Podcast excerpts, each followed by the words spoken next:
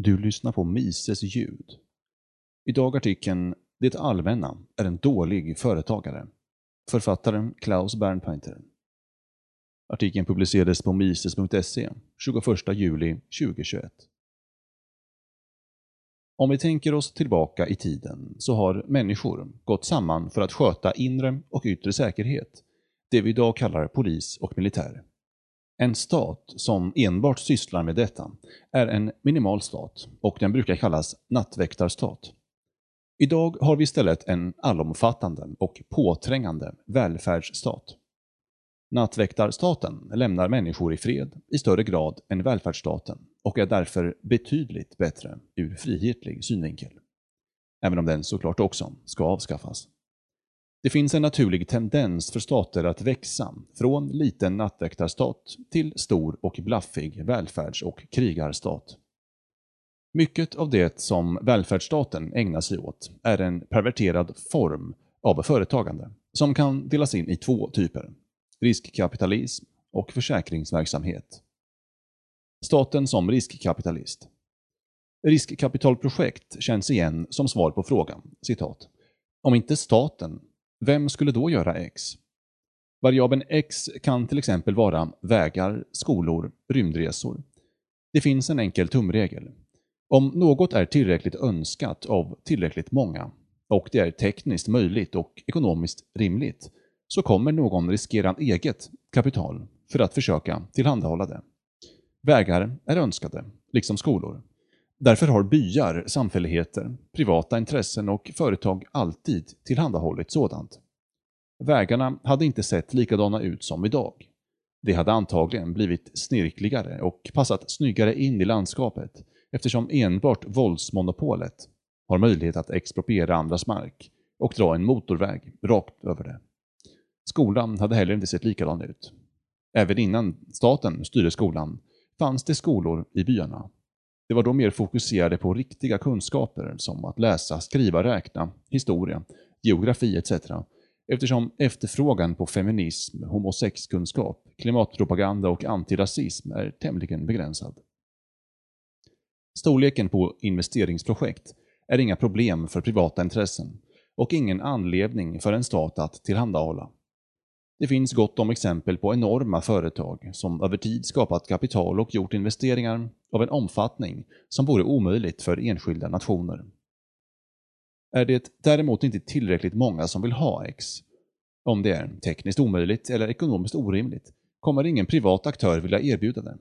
För att få tillgång till menskonst, betonggetton, månlandningar och massinvandring behövs därför en stat som är modig nog att konfiskera och investera undersåtarnas surt fördärvade kapital i projekt med tveksam avkastning. Varje gång man blir tveksam och ställer sig frågor av typen om inte staten fanns, vem skulle då bygga vägarna? Så bör man samtidigt ställa sig frågan om inte staten byggt vägarna, undrar vilka fantastiska saker vi då hade haft råd med att göra istället. Den frågan behandlas utförligt i Fredrik Bastiat i hans klassiska uppsats “That which is seen and that which is not seen”. Vi ser vad staten gjort, men inte vad som skulle kunna blivit istället. Staten som försäkringsbolag. En annan typ av företagande välfärdsstaten gärna lägger sina tassar på är försäkringsverksamhet.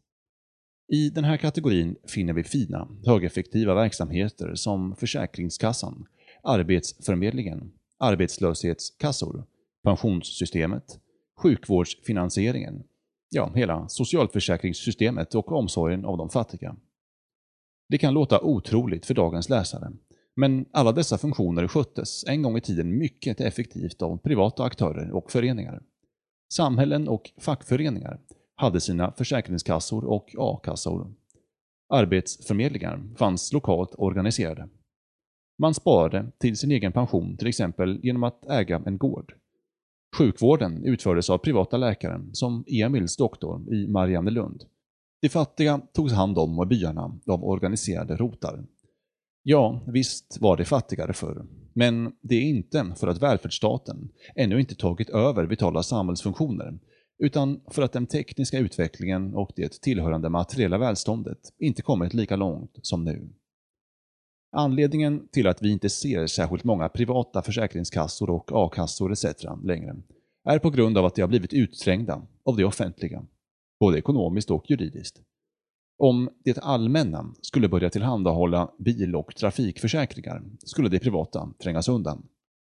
En generation senare skulle folk fråga sig vem som skulle tillhandahålla trafikförsäkringar om inte staten gjorde det. Detta syns ofta på kommunnivå, när kommuner driver allt från bowlingbanor till solarier. Det blir svårt för riktiga företag att konkurrera med en aktör som kan hålla låga priser och fylla igen hålen med skattemedel.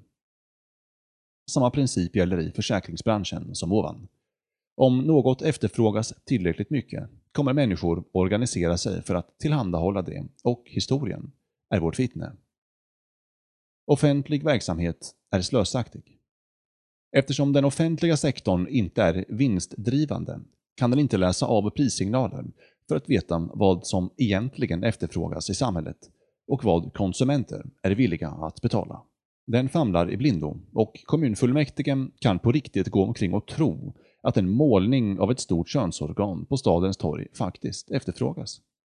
Intäkterna via skatt fortsätter ju komma in och det är väl ett tecken på att undersåtarna vill ha det. Detta är det problem Ludwig von Mises avser med det socialistiska kalkyleringsproblemet. Utan priser vet man inte hur människor värderar resurser. Det kommer då spenderas efter gissningar och slösas bort. Den som vill argumentera för en stor stat får hitta på bättre argument än att vem skulle göra X som inte staten? Ty antingen är X efterfrågat och då kommer någon driftig företagare tillhandahålla det. Eller så är X inte önskvärt och då ska våldsmonopolet låta bli att slösa våra resurser på det.